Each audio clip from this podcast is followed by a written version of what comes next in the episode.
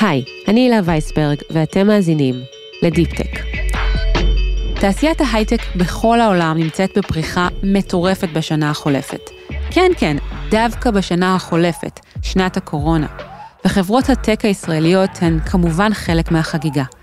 אבל יש מקרים שבהם ההצלחות של חדי הקרן של ההייטק הישראלי, חברות שחלקן הונפק ממש לאחרונה בוול סטריט, מלוות גם בהיסטוריה מעט מפוקפקת. היסטוריה שמעורבבים בתוכה צעדים שנוגעים לפגיעה בפרטיות, מכשירים פיננסיים מסוכנים, אפילו פורנו. אז היום נצלול לסדרת הכתבות המרתקת שמפרסם בגלובס בשבועות האחרונים, אסף גלעד, על הצד האפל של חדי הקרן הישראלים, אותן חברות ששוויין מוערך ביותר ממיליארד דולר, ולא רק הם. מדובר בחברות ironSource, SimilarWeb, Payoneer ו eToro. ננסה להבין מה בדיוק כולל הצד האפל הזה, האם הוא באמת שייך רק לעבר, ולמה חשוב לדבר עליו. היי hey, אסף. היי. Hey. אז אה, לפני שנתחיל, נספר למאזינים שאולי לא מכירים אותך, שאתה עורך הייטק החדש של גלובס, אז ברוך הבא לגלובס ולצוללת. תודה רבה, הילה, שמח להיות פה. אז תגיד, איך בכלל נולדה הסדרה הזו? אתה בעצם מחליט להציב מראה מול כל אותן תמונות מחברות הטק שתמיד רואים בהן את המייסדים והעובדים, מישירים מבט למצלמה עם חיוך כזה מאוזן לאוזן ולתקוע מחט בבלון הזה.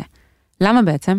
התקופה הזאת של שטף ההנפקות, הוא באמת מייצר הרבה מאוד סיפורים אה, טובים אה, של הצלחה, אבל הוא גם איזשהו סוג של חלון לתעשייה הישראלית, איזושהי מראה. הרבה מאוד מהחברות שיוצאות עכשיו אה, להנפקה, או אפילו החברות שמגייסות באופן פרטי מאות מיליונים לפי שווי של מיליארדים, אנחנו רואים את זה כל הזמן, הן חברות שקיימות הרבה זמן על הכביש. בוא נסתכל על חברות שהנפיקו בתקופה האחרונה, איירון סור זו חברה מ-2010, פיוניר בכלל מ-2006, וכל החברות האלה עברו מסע מאוד מעניין. צריך להגיד שלא כולם עשו איזשהו שינוי אך ורק בשביל להגיע לנסדק ובשביל להנפיק, אבל בהחלט השינוי שהם עשו במהלך השנים האחרונות, השינוי האסטרטגי, השינוי המוצרי שהפך אותם לחברות, נקרא לזה חברות יותר אה, לבנות, יותר לגיטימיות, יותר, אה, יותר טובות. שינוי בריא ומבורך וחשוב, וזה גם חלק מה-DNA הישראלי של לדעת להשתנות ולייצר.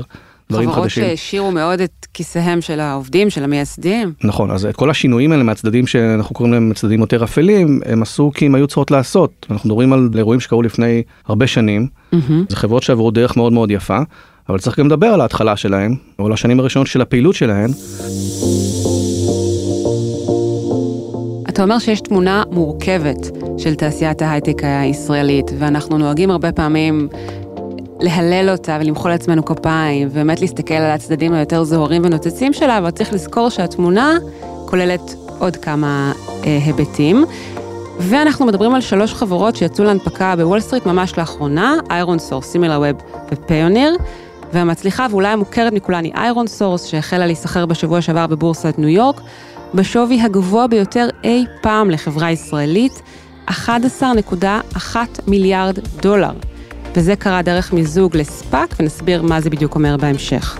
הכניסה הזו של החברה לבורסה תביא לשיא תקופה ממושכת של חלוקת דיבידנדים ומכירת מניות פרטיות שיצרה מאות עובדים מולטי מיליונרים וגם כמה מהמייסדים למיליארדרים. אז למה ironSource מככבת בסדרה שלך? מה היא עושה? מה הבעיה איתה? אז קודם כל מה שמיוחד ב ironSource שזאת הנפקה של החברה הישראלית הגדולה אי פעם, יש חברות ציבוריות ישראליות שנסחרות בשווי יותר גבוה היום, אבל הם לא הונפקו בשווי כזה. Check Point היום נסחרת בכמה מיליארדי דולרים מעל ironSource, אבל ההיסטוריה של איירנסורס היא מאוד מעניינת, ובשביל להבין אותה, בואו נחזור עשור אחורה על נוף התעשייה המקומית mm-hmm. רק לפני עשר שנים. Okay. אוקיי. איזה חברות היו לנו כאן? אנחנו מדברים על חברות ענק כמו Conduit ו Perion ו Babylon. אנחנו מדברים על תעשייה ש... שאז קראו לה Download Valley. אמרת ש ironSource היא בעצם אחת השורדות היחידות, המובילות מאותה תעשייה, תעשיית עמק ההורדות. קודם כל נגדיר מה זאת התעשייה הזאת. זאת תעשייה של uh, תוספים לדפדפנים ותוכנות ומנועים להפצת תוכנות. היינו צריכים להוריד פעם אנטי וירוס או היינו רוצים להוריד תוכנה לשינוי אה, צבע המסך. או... ואז היינו מגלים מגלים שיחד עם ההורדה הזו, יורדים עוד כמה דברים ומציעים לנו לשנות ברירת מחדל של כל מיני תוכנות שכבר קיימות, וזה הכי מעצבן בעולם. נכון, או להוריד סרגל כלים, שמסתבר שסרגל הכלים גם משנה לך את מנוע החיפוש שלך, את הגדרות ברירת המחדל של מנוע החיפוש, וגם מוריד לך במקרה עוד איזושהי תוכנה, אפילו משתיל לך כל מיני פרסומות על התא שלך בלי שאתה יודע, בלי שאתה מבין, זה משהו שגם הרבה מאוד חברות ישראליות אה, הצטיינו בו. ironSource היא בעצם מיזוג בין המון חברות ישראליות, בין המון חברות uh, תוספים כאלה ותוספים מדפדפנים, Mm-hmm. לפחות 5-6 חברות קטנות שהתמזגו ב-2012. זה התחיל בתור מנוע התקנות תוכנה, זה נכס מאוד מאוד חשוב, כי מנוע התקנות, וזאת הטכנולוגיה שאיירנסוס פיתחה, הוא בעצם הגורם החשוב ביותר בשרשרת הערך הזאת של תעשיית ההורדות. שהמנוע התקנות הזה מכיר את המשתמשים, הוא יודע על איזה מחשב הם פועלים, הוא יודע מה מנוע החיפוש שהם משתמשים בו. יודע איזה סוג של מחשב זה, איזה תוכנות נמצאות על המחשב, איזה תוכנות לא נמצאות על המחשב הזה, כשהמנוע הזה קיים והוא, והוא פועל בצורה טובה ואופטימלית, אז הוא יכול באמת להגיע להמון המון מחשבים, להמון מקומות ולהיות מופץ במיליוני uh, מחשבים, וזה באמת מה שקרה, ironSource הפכה להיות מנוע התקנות המצליח ביותר. הלקוחות הראשונים שלה זה אותם uh, מפתחי תוכנות, אגב היום קו המוצרים החדש שלה זה אותו דבר, כל עולם האפליקציות, פחות הנושא של הפצה, יותר הנושא של הפרסום, כן, שעשו המון המון רכישות. כמובן עד הרכישה של Supersonic שזאת באמת רכישה ש, שבעצם שינתה את החברה והפכה אותה ל ironSource שאנחנו מכירים היום שהיא בעיקרון חברה מוכוונת mobile ולא מחשבים אישיים. עכשיו תשאלי אותי אוקיי אז מה הם עשו את זה בשביל הנפקה? לא הם הגיעו למסקנה כבר באמצע העשור הקודם שרק על uh, תוספים לדפדפנים ורק על פלאגינים ועל uh, סרגלי כלים לא תוכל uh, לשרוד. ו... זו גם תעשייה שבאיזשהו אופן התאיידה, אז הם עשו איזה shift שהיה גם טבעי נוכח השינוי הזה. הם היו צריכים להשתנות, נכון גוגל שם בעצם שמה את כל... Uh, כל משקלה על, על החברות האלה, על ה Down... הרבה מאוד חברות Download Valley בעצם הגיעו לסופן בזכות הרגולציה הזאת. וברגע ש ironSource קנתה את Supersonic, או התמזגה איתה ליתר דיוק, היא הצליחה לעשות את המעבר הזה. היא אומנם פיתחה טכנולוגיה לפרסום סלולרי עוד לפני זה, אבל Supersonic בעצם הביאה לה גם לקוחות וגם טכנולוגיה שהפכה אותה בעצם במקום מנוע התקנות לתוכנות למחשבים אישיים לרשת פרסום לאפליקציות סלולריות בעיקר במזרח אסיה דרך אגב זאת אומרת אם היית משחק ב Candy Crush היה מופיע לך פרסומת רוב הסיכויים שהפרסומת הזאת אם היית בטריטוריות מסוימות הייתה מגיעה מ ironSource.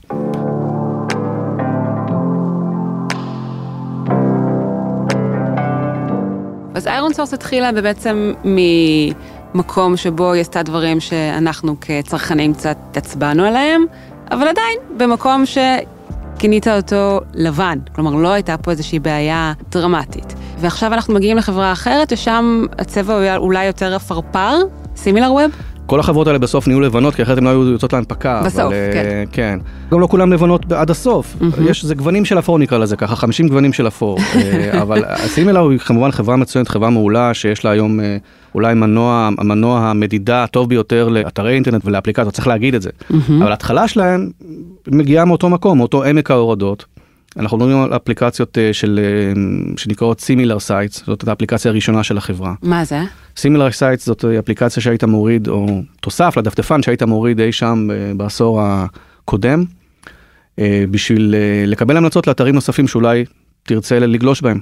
אולי אנחנו מכירים יותר המלצות תוכן ב- היום באתרי חדשות, תרצה אולי לקרוא את הכתבה הזאתי. Mm. אנחנו מדברים על אפליקציה שעשתה את אותו דבר לאתרים, ותוך כדי הורדה של אפליקציה כזאת הם היו יודעים באיזה אתר אתה נמצא כי בשביל להמליץ לך על אתרים נוספים כל כך צריכים לדעת איפה אתה נמצא. כשהם יודעים איפה אתה נמצא הם יודעים גם הם בעצם מכירים את היסטוריית הגלישה שלך. עכשיו צריך גם להגיד משהו שהוא משותף ל ironSource ל Similar ולכל חברות עמק ההורדות האלה. ולמה זה כל כך ישראלי בסוף? למה למה זה הצליח פה? עכשיו בסופו של דבר נכון זה מוצר אולי קצת מעצבן אבל יש הרבה מאוד טכנולוגיה מאחורי המוצר הזה. זו טכנולוגיה שאנחנו יודעים שנמצאת פה בארץ אולי גם בזכות הצבא mm-hmm. וגופי המודיעין. הרבה מאוד אנשי סייבר יצאו מהצבא והלכו לעבוד בחברות כאלה. טכנולוגיות שיודעות להבין מה קורה במחשב שלך, הן יודעות לאפיין אותך ולהציע לך את מה שאתה צריך. אנחנו גם מכירים את זה מ adtech, טכנולוגיות פרסום, זה אולי הצד השני של המטבע של תעשיית הסייבר. תדמיין לעצמך אדם שיוצא מהצבא אחרי שהוא נניח, לא יודע, חדר לאיזשהו אה, כור גרעיני באיזושהי מדינה או, או, או הכניס את ספר הטלפונים של עזה לתוך המודיעין הצבאי, כן? זה אנשים ש, שכבר עשו דברים כאלה, כמובן בלי שום שיפוט מוסרי, כן, עשו דברים כאלה ואחרים, והתעוזה ומה שאנחנו קוראים לו החוצפה הישראלית. היא גם מגיעה מהמקומות האלה. אז Similar פיתחו, אה, אז דיברנו את התוסף הראשון שלהם, Similar Sites, אחרי זה הם פיתחו את SimilarWeb, שזה מה שאנחנו מכירים היום. הם יודעים להבין את ההיסטוריה שלך, הם קוראים את היסטוריית הגלישה שלך, כן? אתה מאשר את זה באיזשהו מקום, או שאם אתה רוצה אתה יכול גם להגיע לאיזושהי בוקסה שנמצאת בהגדרות ולעשות אופט-אאוט, כן, ללחוץ על ה-V הזה ולא לאפשר להם לעקוב אחריך, אבל זה קרה, זאת אומרת אנשים אישרו את זה, הורידו את זה במיליונים, ואם אנחנו מנסים להבין איך סימילר ווב התחילה, ואיך היא אספה את הנתונים האלה ואיך היא הפכה להיות אותה, סימלה ווב גדולה כמו שאנחנו מכירים היום, חלק מההיסטוריה שלה גם נטועה במקומות האלה, כן? עכשיו, זה היה חוקי. לגיטימי זה כבר שאלה אחרת, אבל זה היה חוקי. בלי לדבר ספציפית על SimilarWeb או על ironSource, הרבה מאוד מחברות עמק ההורדות השתמשו בכל מיני טקטיקות כאלה של קונסנט, uh, uh, לבקש consent ל- לקבל את הנתונים עליך במקום כזה או במקום אחר לא תמיד היית רואה לפעמים זה היה בפונט 8 לפעמים זה לא היה קיים לפעמים זה היה קיים רק בהגדרות. זה מערב פרוע והיה פה מערב פרוע מאוד מאוד גדול עד אזור אני מדבר איתך על, על אמצע העשור הקודם 2015 2016 זאת אולי שנת אה, פרשת המים בנושא הזה. שבעצם היום הביזנס של SimilarWeb הוא לספק אה, בעיקר נתונים אודות אתרים ואפליקציות לגופים אחרים, לא? לא, זה אותו ביזנס כמו שהיה להם תמיד, אבל רק היום הם אוספים את זה בצורה אחרת, הם גיוונו את אופן איסוף הנתונים שלהם. אגב, האפליקציות, חלק מהאפליקציות האלה עוד קיימות, SimilarWeb זו אפליקציה קיימת, כמובן היום היא, היא הרבה יותר קונסנטית, הרבה יותר לגיטימית במובן הזה שהיא משתמשת בהרבה יותר חוזה הסכם מול המשתמשים. אבל הלקוחות הם מי? כולנו, זאת אומרת, אני יכול להגיד לך שאפילו אני, אני מוריד את האפליקציה של, את התוסף, תוסף הדפדפן של סימילר ווב כדי להבין מה קורה, מי גולש באיזה, לא מי גולש, אלא כמה גולשים באיזה אתר ואיזה אתר או איזה חברת הייטק לצורך העניין או איזה שירות מדורג במקום הזה או מדורג במקום האחר. זה אחלה מודיעין. מה המודל העסקי שלה? המודל העסקי שלה הוא מנויים. אוקיי? לא עשה כסף מהתוספים, התוספים תמיד היו חינמים. אגב, זה גם ה... תמיד היופי של דאונלוד ואלי, מה שאמרנו תמיד, אנחנו מייצרים דברים שהם חינם לתעשייה, שהם B2C והם חינמים, תורידו כמה שאתם רוצים ואף אחד לא משלם על זה כסף ותגידו תודה. אז SimilarWeb היום מוכרת את השירותים האלה, את המערכת המדידה שלה, לכל מיני ורטיקלים, לאנשי מכירות, בשביל למשל לאתר לידים מסוימים, אני רוצה להבין איזה חברה אני רוצה למכור, או למשקיעים, אני רוצה לדעת באיזה חברה אני רוצה להשקיע, החברה הזאת. היום כמובן הם גם אוספים את המידע הזה באוסף של דרכים שהזכרנו אותם בכתבה אנחנו מדברים לא רק על תוספים אלא גם על מידע שמגיע מחברות סייבר כמו Check Point למשל. אני יכולה להעיד על עצמי שכשעשיתי בעבר כתבות על אפליקציות תשלום למשל ביט PayBox Pay וכאלה אז ביקשתי נתונים מ SimilarWeb על אותן אפליקציות זה היה לפני כמה חודשים טובים כמובן שביט הייתה המנצחת הבלתי מעורערת. עם uh, משהו כמו חצי מיליון משתמשים בחודש, סתם כדוגמה. נכון, וצריך גם להגיד על SimilarWeb שהם לא מדייקים ברמת המאה אחוז, כן? זה בסוף uh, אולי אמצעי המדידה המדויק ביותר, הפומבי ושהוא פתוח לכולם, mm-hmm. כן? בסוף כל אחת מהחברות האלה, מה, מהאתרים שהיא מודדת, מחזיקה את ה Google Analytics שלה. כן. שהוא סגור ו- ולא ציבורי ולא משותף עם אף אחד ושם כנראה מסתתרים הנתונים האמיתיים. SimilarWeb היא בעצם לוקחת אינדיקטורים מכל מיני מקומות mm-hmm. וקובעת איזשהו רף שהוא לא מדויק אבל הוא יחסי במובן היחסי הוא, הוא, הוא אולי הדבר הכי מדויק שיש. מה שהבנתי ממך זה שזה היה יותר מדויק בעבר כשענייני הפלישה לפרטיות היו קצת יותר uh, משמעותיים ואז כשהגדרות ודרישות השתנו. אז בעצם האופן שבו היא פועלת נעשה מעט פחות מדויק. אני יכול להגיד אפילו שבתור משתמש שלהם אה, הרבה הרבה מאוד שנים ב2017 ו2018 אני הרגשתי שיש קצת, חריקות כן mm-hmm. מה קרה ב2018 מדברים על ה-GDPR GDPR אלה כללי שמירת הפרטיות האירופאים החדשים mm-hmm. אחרי זה היו גם כללים חדשים בקליפורניה אה, היום יש עוד כל מיני מדינות בארצות הברית. עוד לפני ה-GDPR ב-2017-2016 היה לנו את כל הסיפור שגוגל התחילה למשטר את התעשייה הזאת ואז שימי לב באמת הייתה צריכה להסתכל במראה ולהגיד לעצמה מה אני עושה מה אני עושה עם התוספים האלה וזה השינוי שוב היפה שהם עשו הם התחילו לחתום על חוזים עם חברות סייבר עם חברות CDN עם ספקיות תקשורת ובאמת לאסוף המון המון אינדיקטורים של מידע. בצורה כמובן חוקית ולגיטימית והכל סטטיסטיקות שמגיעות אליהם המון נתונים שמגיעים כאגרגציה mm-hmm. לכן אין לזה שום בעיה אגב Check Point כאילו אומרים אוקיי מה אז איך Check Point יודעים את מה שקורה אז יש שם איזשהו הסכם שאגב אנחנו חשפנו אותו אה, אה, בכך ש... ש Check Point ביקשה במפורש לא אה, שהנתונים שהיא מספקת ל Similar לא יהיו קשורים לתוסף Stylish שזה התוסף אחד התוספים ש... שככה יותר עלו לכותרות. ובעצם כשאנשים מתוך סימילר ווב שאתה משוחח איתם עבור הכתבה אומרים לך אנחנו לא לגמרי היינו מודעים למה שקורה, זה השותפים שלנו, לא הייתה לנו ממש שליטה על זה. אתה קונה את זה? אנשים היו מודעים לנושא הזה, אבל זה לא היה נתפס אז בעייתי כמו שהוא נתפס היום. גם עברנו גם דרך ארוכה כחברה, mm-hmm. כתרבות, בנושא של פרטיות. מי דיבר על פרטיות אה, אפילו באספקט של פייסבוק ב-2007 כשפייסבוק אה, צמחה, כן? אני לא חושב שמישהו מאיתנו דמיין לאן שזה יגיע בסוף העשור השני של המילניום. אז אתה מזכיר פינטק ישראלי שגם הוא מצליח מאוד בשם פיוניר, שאפילו ראש הממשלה נפתלי בנט השקיע בו בעבר. גם זו חברה ותיקה, נוסדה ב-2005, גם היא הונפקה לאחרונה, במקרה הזה בנסדק. Thank you for being with us. And now I'd like all of you to join us in welcoming your CEO, Scott Gallett, to the podium for further remarks. Scott? We are Payoneer, and we are here to build a universal future for commerce in which the entire world can reach new heights. אז מה הבעיה עם Payoneer? Payoneer כמובן עוד אחלה חברה שהפכה להיות אחת מהגדולות בעולם בתחום העברת כספים בין מדינות. Mm-hmm. ככרטיס חיוב, כ prepaid card, אגב יש לה מתחרה בולט באירופה שנקראת Wise, לשעבר TransferWise, שעכשיו יוצאת להנפקה די גדולה. אגב בשווי הרבה יותר גבוה מפיוניר. אז התעשייה כתעשייה כשלעצמה היא תעשייה סבבה, כן? אבל גם לפיוניר הייתה היסטוריה מעניינת, שחשפנו אותה אה, לאחרונה. מעניינת זו מילה מעניינת. מעניינת זאת מילה מעניינת, ותכף נסביר. אז... אמ, אז מה, מה בעצם פיוניר עושה? היא מאפשרת לך להעביר אה, כסף ממדינה למדינה, מחברה כלשהי, נניח ממעסיק לעובד. נניח חברה פה בישראל שרוצה לשלם לעובדים שלה מעבר לים, היא יכולה לעשות את זה דרך פיוניר שחוסכת בעמלות בהשוואה להעברות כספים שנעשות אה, באופן אחר. נכון, כי, כי הכסף ברוב אה, ההעברות האלו הוא בעצם לא עובר דרך הסוויפט, מה שנקרא, דרך הברוקר של העברות הכספים, ולכן גם את העמלה הם משלמים רק פעם אחת בתקופה כשמעבירים את כל הכספים האלה בבת אחת כשפיוניר מעבירה את זה. Mm-hmm. אבל כשאני עכשיו מעביר כסף לך, אז ככל הנראה אנחנו חסכנו כסף. Mm-hmm. עכשיו עוד אה, נדבך שהיא מוסיפה זה גם נושא של דיסקרטיות עוד אה, חברה שב-2016 הייתה צריכה לשנות את הדרכים שלה mm-hmm. עד אז היית יכול באמת להעביר כספים בצורה כמעט דיסקרטית. ואתה לא אה, סתם מדבר על דיסקרטיות, מה בעצם מתגלה בהקשר של Payoneer? אז מה שאנחנו חשפנו זה שעד 2016 כעשרה אחוז מהטרנזקציות ומההכנסות בעצם שנכנסו ל Payoneer הגיעו מלקוחות מה שנקרא live porn, אוקיי? זה בעצם נשים שמתערטלות מול מצלמות mm-hmm. באתרי פורנו. מה שנקרא, זאת אומרת, ב Payoneer ובתעשייה הזאת קוראים לזה high risk accounts, חשבונות בסיכון גבוה. Mm-hmm. וגם הייתה גם איזושהי התעסקות מינימלית יותר בנושאים של הימורים בפורקס, אבל הם לא, אף פעם לא עבדו עם חשבונות של הימורים בפורקס, הם עבדו בעיקר עם affiliates, זאת אומרת עם חברות תוכן שמשווקות את השירותים האלה. ולמה אותן נשים מעדיפות אה, לקבל תשלום דרך פיוניר, או שבעצם הלקוחות מעדיפים לשלם אז, באמצעות פיוניר? אז כי האמצעי הוא מאוד מאוד פשוט, אתה מקבל בעצם בתור, אה, בתור העובד, אתה מקבל כרטיס prepaid כזה ככה ממותג אתה הולך לכספומט עושה צ'אק ומקבל את הכסף בלי עניינים של העברות ולחשבון בנק וזאת אומרת כמובן גם אפשר ללכת לחשבון הבנק. פיוניר זה בעצם ארנק דיגיטלי כן אתה יכול בתור לקוח להיכנס דרך המחשב שלך ולראות מה קורה בארנק הדיגיטלי שלך. היה לפיוניר יש, יש להם הסכמים עם כל מיני בנקים בעולם שמאפשרים את הוויזיביליות הזאת אז לאנשים שככה לעסקים קטנים שעובדים אה, בכל מיני מקומות מרוחקים זה אחלה אני חושב שאולי המקרה הכי מפורסם לפחות עד המקרה של הפורנו זה המקרה של ההתנגשות באלמבחוך ב2010. אז בעצם החברה הזאת נחשפה פעם ראשונה, אני חושב שאולי אה, זה עשה טוב לחברה, שפתאום מזכירים שזו חברה ישראלית עלומה שקשורה ב... בסיפור החיסול הזה, וכמובן, אומרת, אני מעריך שהם גם נפגעו, אבל גם תדמיתית הם הרוויחו.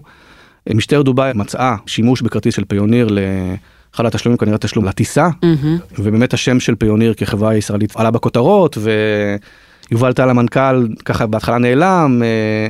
אחרי זה הוא, הוא באמת קצת התראיין על זה, אבל זה תקופה מאוד מעניינת לפיוניר, אולי הפעם הראשונה שהוזכרה בה. באספקט הזה, אבל זה גם באמת מראה לנו איך אתה יכול להשתמש בפיוניר בשביל אה, עניינים דיסקרטיים. כלומר העברות כספים מתחת לרדאר. כן, עכשיו כמו שאת מבינה יש פה פוטנציאל כביכול להלבנת הון, אבל, mm-hmm. אה, אבל חברות כאלה, חברות כמו פיוניר, שוב שיש עוד כמוה, הן צריכות לעשות את העבודה ולהבין איזה הון עובר מתחת לרדאר. משרד האוצר האמריקאי מפעיל יחידה שנלחמת בדברים האלה ומנטרת את הדברים האלה. ובמסגרת החוק האמריקאי, בנקים אמריקאים ומוסדות פיננסיים אמריקאים חייבים להעביר למשרד האוצר כל דף עניין טופס שקשור לנושא הזה של הלבנת הון.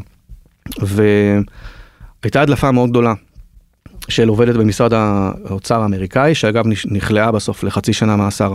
עכשיו, בזכות זה בעצם פיוניר אמרה, טוב, סטופ, אני בעצם בתור, בתור חברה, אני מפסיקה לעבוד עם לקוחות מסוכנים, לא אכפת לי מאיזה סקטור. אה, פורנו, לא פורנו, לקוחות מסוכנים, יוק, והם הקימו יחידת אה, ניטור מאוד משמעותית, עד היום אה, אנחנו מדברים על 6% מהחברה, כן, ביחס לחברה זה, אפשר להתווכח גדול או גדול, אבל הם כן התחילו להשקיע בזה באופן משמעותי ולהוריד את הלקוחות האלה ולעשות הרבה יותר אה, monitoring ביחס למה שהיה פעם, בגלל דרישות השוק, לא בגלל ההנפקה, אבל זה כמובן עזר לה ללכת להנפקה בסופו של דבר, אבל זה כן עיכב את ההנפקה שלה, נגיד ככה.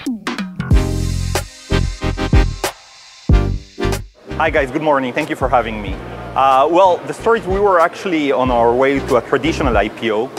הנה מנכ"ל איירון סורס, תומר בר זאב, מסביר למה החברה יצאה להנפקה דרך ספאק דווקא, בריאיון משבוע שעבר ליהו פייננס. And then all of a sudden we got a call from Orlando Bravo, from Toma Bravo, probably the best software investor out there, And we thought that after talking to them and getting to know them, seeing that we share the same sentiment and the same values of how to build a company, we thought we can get the best of both worlds, go public and have them uh, joining us as a partner. עכשיו, גם איירון סורס וגם פיוניר הונפקו באמצעות ספאק. יש קשר להיסטוריה שלהן ולאופי ההנפקה הזה, ומה זה אומר בעצם?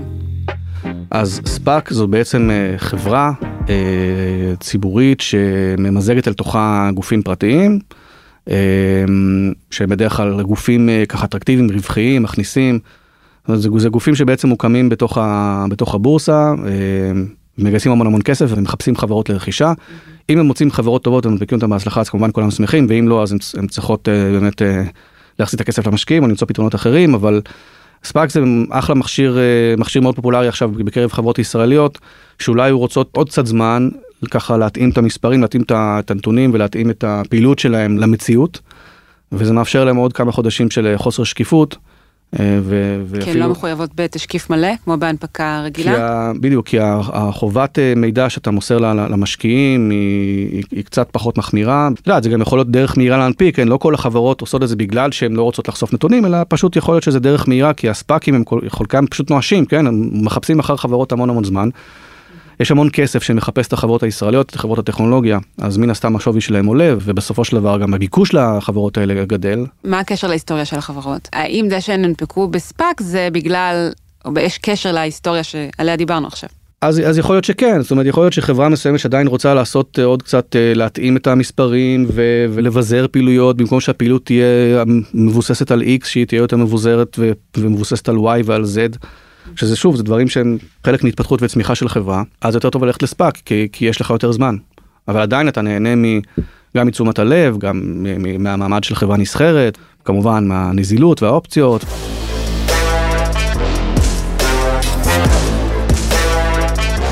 כתבה נוספת שלך, אסף, עוסקת בחברת פינטק אה, אחרת, איטורו.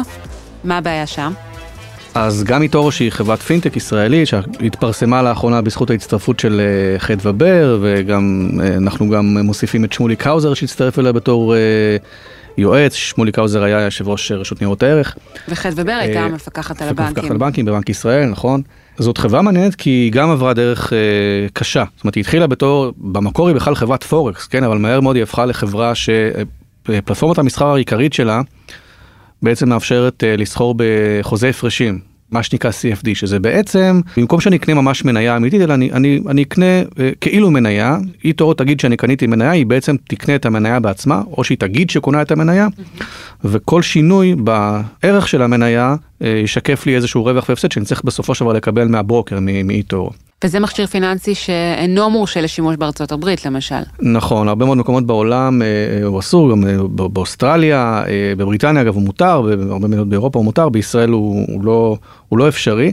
אבל אה, זה מכשיר פיננסי שהם בעבר היו תלויים בו מאוד, זה בעבר היה חלק מרכזי מהכנסות שלהם, הם כן הצליחו לעשות איזשהו שינוי ולהכניס מטבעות דיגיטליים, באמצעות פלטפורמות המסחר שלהם להכניס גם את הנושא הזה של סחר בחלקיקי מניות, עם טכנולוגיה שהיום גם אה, רובינהוד משתמשת בה, שמאפשרת בעצם לסחור באמת ובתמים ולא בכאילו בשברירי מניה. בשברירי מניה בדיוק, לחלק אותה מה שנקרא. ויש איזשהו disclaimer שהחברה בעצם אה, מציבה כיום. לא? נכון, אנחנו מדברים על הכלי הזה של ה-CFD של חוזה ההפרשים, זה אפיק הכנסות שדי הצטמצם שם, אבל הוא העמיד את החברה כולה בסיכון מאוד גבוה להבדלי מחירים של מניות וכל מיני התמוטטות של רובל והתמוטטות של פרנק שוויצרי שקרה בעבר ויכול לסכן חברות כמו איתו. הדיסקלמר שלה אומר, אתה נכנס לאתר, אומר 67% מהמשקיעים שלנו אה, בתחום ה-CFD מפסידים אצלנו. אה, אם אתה מספיק, אם אתה חושב שאתה מספיק חכם בשביל להשקיע בזה, לך על זה. זה, זה בגדול מה שההודעה הזאת אומרת, הם מחויבים לשים את זה כ, כחלק מהרגולציה הקפריסאית האירופאית, בעצם איטורו זאת בסוף חברה קפריסאית, כי מרכז הפיתוח נמצא בישראל. וכן, זה מכשיר אה, אה, מאוד מאוד מסוכן, אבל באמת בשביל להגיע להנפקה, בשנים האחרונות הם מאוד ביזרו את אפיק ההכנסות שלהם, והם הפכו להיות במין סוג של מתחרה של רובין הוד, עם, עם רשת חברתית ועם דירוג משקיעים כזה, שאתה יכול לעקוב אחריו, אבל עדיין מאפשרים לך, גם שם מאפשרים לך לסחור ב-CFD, צריך להגיד את זה. יכול להיות שבאמת מבחינת הנכסים, היום נכסי ה-CFD הם יחסית נמוכים שם, אבל הוא כלי שהוא עדיין נמצא בשימוש החברה. אגב, רובין הוד אומרת, רובין הוד המתחרה אומרת שהיא לא משתמשת ב-CFD, הם, הם מאוד נגד זה לטענתם, הם קוראים לזה פורקס, עד היום אה, אה, נמצא באתר שלהם של רובינהוד. כשבעצם החברה מביאה לשורותיה אה, אדם כמו חדווה בר, כי היא רוצה ללכת לאילו כיוונים בעתיד? אז החברה קודם כל רוצה לבזר את, סוגי המסחר שלה, והיא רוצה להגיע לרשויות רגולטוריות נוספות, אה, הם רוצים אה, להעמיק את האחיזה שלהם בארצות הברית, זה דורש הרבה מאוד התעסקות ברגולציה בארצות הברית, במדינות שונות באירופה, אפילו בסינגפור, באבו דאבי, כל מיני, אה, כל מיני מקומות חדשים שלא נמצאים בהם. אם אנחנו שוב משווים את איטורו לרובינהוד, אז רובינהוד היא מאוד אמריקאית, היא, היא, היא פעילה אך ורק בארצות הברית. איטורו היא, היא כבר חברה גלובלית. אה, עם מרכיבי סיכון משלה, אבל בכל זאת הצליחה באמת להגיע לכל העולם, ובארצות הברית יש עדיין הרבה מאוד מדינות שלא מאפשרות למשל לפתוח חשבון איטורו בכלל, יש כאלה מדינות שמאפשרות לפתוח אבל לא לסחור, והיא רוצה, את יודעת, לצאת לאור, ובשביל באמת להיות חברה, להצדיק את עצמך כחברה של עשרה מיליארד דולר בבורסה, ובסופו של דבר גם לצאת מהספאק ולהפוך להיות איטורו, צריך להיות אה, מאוד גדול ולהציע הרבה מאוד אפשרויות מסחר. אנשים כמו שמולי קאוזר, חד ובר, יש עוד איזה בחור שהגיע מרשות רגולטורית אה, מאוד גדולה הברית, חבר'ה מאוד חזקים שיכולים באמת, יפתחו לחברה הזאת דלתות, שישמשו כמבוגר האחראי בחברה שהיזמים שלה, הגיל המצרפי של שניהם הוא אה, לדעתי אזור ה-60-70 שניהם ביחד. לא רע. כן, אז עוד הנפקה מעניינת, שעדיין לא קרתה. טוב, אז שאלה אחרונה. אני חוזרת לנקודת ההתחלה שלנו. למה זה חשוב? למה אנחנו צריכים לדבר על ההיסטוריה של החברות האלה, המעט מפוקפקת לעיתים? קודם כל כי זה מעניין. אה, ו, וזה חשוב כי את יודעת, אנחנו נמצאים בתקופה שבה התעשייה פורחת ואנשים אה, מצלצלים בפעמון של הנסדק ומכים בפטיש ו, ומפזרים קונפטי והופכים למיליארדרים ולמיליונרים ואנחנו מדברים על שכבה מאוד גדולה של אה, אלפי אנשים שממש, שממש בחודש האחרון מתעשרים, וזה כמובן, אה, יש לזה השפעה. אבל לא, אבל לא רק בגלל זה, לא רק בגלל מימד ההתעשרות, אלא בגלל שלכל צד חיובי וורוד, ויש גם, יש גם צד, צדים אחרים, לאו דווקא צדים אפלים, אבל צריך גם לדבר על ה, גם על המקומות האלה בהייטק הישראלי. זה, זה יזמות שמגיעה מכיוון מסוים, חלק מהיזמות הזאת, כמובן יש גם הרבה חברות שבכלל לא, לא היו במקומות האלה, כן, ש, והנפיקו בהצלחה, מאנדיי, בכלל חברה למוצר לניהול פרויקטים, כן, זה לא, לא קשור לעמק ההורדות, אבל סטארט-אפ יש לו אתגרים, הוא צריך בסופו של דבר אה, אה, להתאים את עצמו למציאות, צריך לבזר את המוצרים שלו, צריך לשכור אנשים בכירים בשביל יביא אותו לכיוונים אחרים, הוא צריך אה, לגייס כסף בשביל, אה, בשביל לחשוב על כל הכיוונים, בשביל להיערך לכל הכיוונים החדשים האלה. וזה מה שטוב אולי בתעשייה הישראלית, אפשר אולי לסכם את זה. יש הרבה אולי חברות שצומחות בצורה מהירה מאוד, ואולי אפילו קצת אגרסיבית. בצורה לגיטימית יותר, לגיטימית פחות, אפשר להתווכח על זה, אבל אחרי זה מתמתנות, אחרי זה מגייסות כסף, הופכות להיות חברות בינוניות, חברות אה, סמי גדולות כאלה, ראונד אה, C, ראונד D, פתאום הופכות להיות משהו אחר. ואסף, זה חשוב בעיניך שנדבר על זה, גם על ההיבטים האלה, ככל שנדבר על זה אז אולי נראה פה גם התכווננות אחרת למקומות מיטיבים יותר, למקומות תורמים יותר לחברה? ללא ספק, זאת אומרת, אני בטוח שגם עכשיו צומחות לידינו החברות שיהיו הנפקה הבאה בעוד אה, חמש שנים או בעוד עשור או בעוד עשרים שנה. לא משנה מתי זה יקרה, אמ, וכמובן ש, שלמפתחים ולעובדים, למנהלים, ליזמים יש אחריות מוסרית גם למה שהם מפתחים ולמה שהם עושים, שגם היום יזמים צריכים לשאול את עצמם אה, האם מה שהם עושים הוא, הוא מוסרי, אמ, האם מה שהם עושים הוא, אה, הוא מועיל לאנושות, או, או אולי, אולי בעצם אה, יותר דואג לרווחים לטווח הקצר, וזאת שאלה ש... שאני חושב שכולנו צריכים לשאול את עצמנו ומן הסתם גם העיתונאים צריכים uh, להאיר את הפינות האלה בתקופות מסוימות אולי, אולי לא רק בסוף אלא גם uh, בהתחלה ובאמצע. אסף גלעד תודה רבה. תודה רבה הילה. מפיוניר נמסר ב-2016 חברת פיוניר קיבלה החלטה להפסיק לספק שירות תשלומים לעסקים בסיכון גבוה. כיום פיוניר עומדת בסטנדרטים גבוהים ביותר בתעשיית הפינטק, ועוברת בדיקות נאותות באופן קבוע על ידי מבקרים גלובליים מובילים ורגולטורים פיננסיים. מעולם לא נמצא על ידי כל רגולטור או רשות אחרת שפיוניר אינה עומדת או לא עמדה בחובותיה לפי דיני איסור הלבנת הון. חברת פיוניר משרתת נאמנה את המותגים המובילים בעולם. מייסד פיוניר יובל טל עזב את תפקיד נשיא החברה בספטמבר 2020 לאחר 14 שנים בחברה, כדי להתמקד בתפקידו החדש ולא מסיבות אחרות. מסימילר ווב נמסר, מדובר בהעתקה של פרסומים זרים מ-2016, שכבר אז הופרכו ובטל קורבנה מזה שנים. המקום היחיד שבו הם עדיין קיימים הוא החצר האחורית של גוגל וגלובס. סימילר ווב היא אחת מהחברות בעלות מערכת הציות הנוקשה בעולם, ולראיה, לאחר שנסרקה במסרקות ברזל, הונפקה החברה לפני כמה שבועות בבורסה בניו יורק. מאיירון סורס המצויה בתקופת הדממה לפני הנפקה, לא נמסרה תגובה. מאיטורו נמסר, החברה הוקמה ב-2007 מתוך חזון לפתוח את השווקים הגלובליים ולאפשר לכל אדם להשקיע בשוק ההון בצורה פשוטה ושקופה. איטורו השיקה את רשת ההשקעות החברתית שלה ב-2011, על מנת לעזור ללקוחות שלה לתקשר זה עם זה ולעקוב אחר משקיעים מובילים, וכן על מנת לאפשר חינוך פיננסי דרך הפלטפורמה. איטורו כיום היא אחת מחברות הפינטק המובילות בעולם ההשקעות במסחר במניות ללא עמלות ובמטבעות דיגיטליים. איטורו פועלת בהתאם לסטנדרטים קפדניים תחת רישיונות פיננסיים מרשויות רגולטוריות מובילות בעולם, וביניהן ארצות הברית, אירופה, אנגליה, אוסטרליה ועוד. איטורו חווה צמיחה משמעותית בשנים האחרונות כחלק ממגמה גלובלית של השתתפות רחבה יותר של משקיעי retail בשוק ההון. לאחרונה פרסמה החברה את נתוניה העסקיים לרבעון הראשון של 2021, ושם עלה כי לקוחותיה מחזיקים כ-8.4 מיליארד דולר בנכסים בפלטפורמה.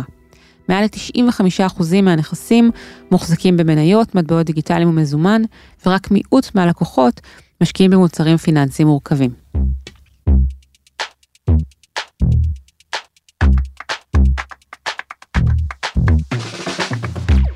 עד כאן עוד פרק של הצוללת.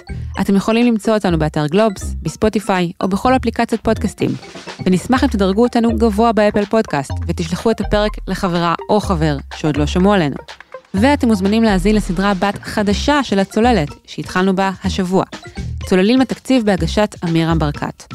מדי יום שני אנחנו צוללים לקרביים של תקציב המדינה, כדי להבין איך בדיוק הוא עובד ואיך הוא קשור לחיים של כולנו. עורך הסאונד הוא ניר לייסט. אני אלה וייסברג, נתראה בפעם הבאה. ביי ביי. thank you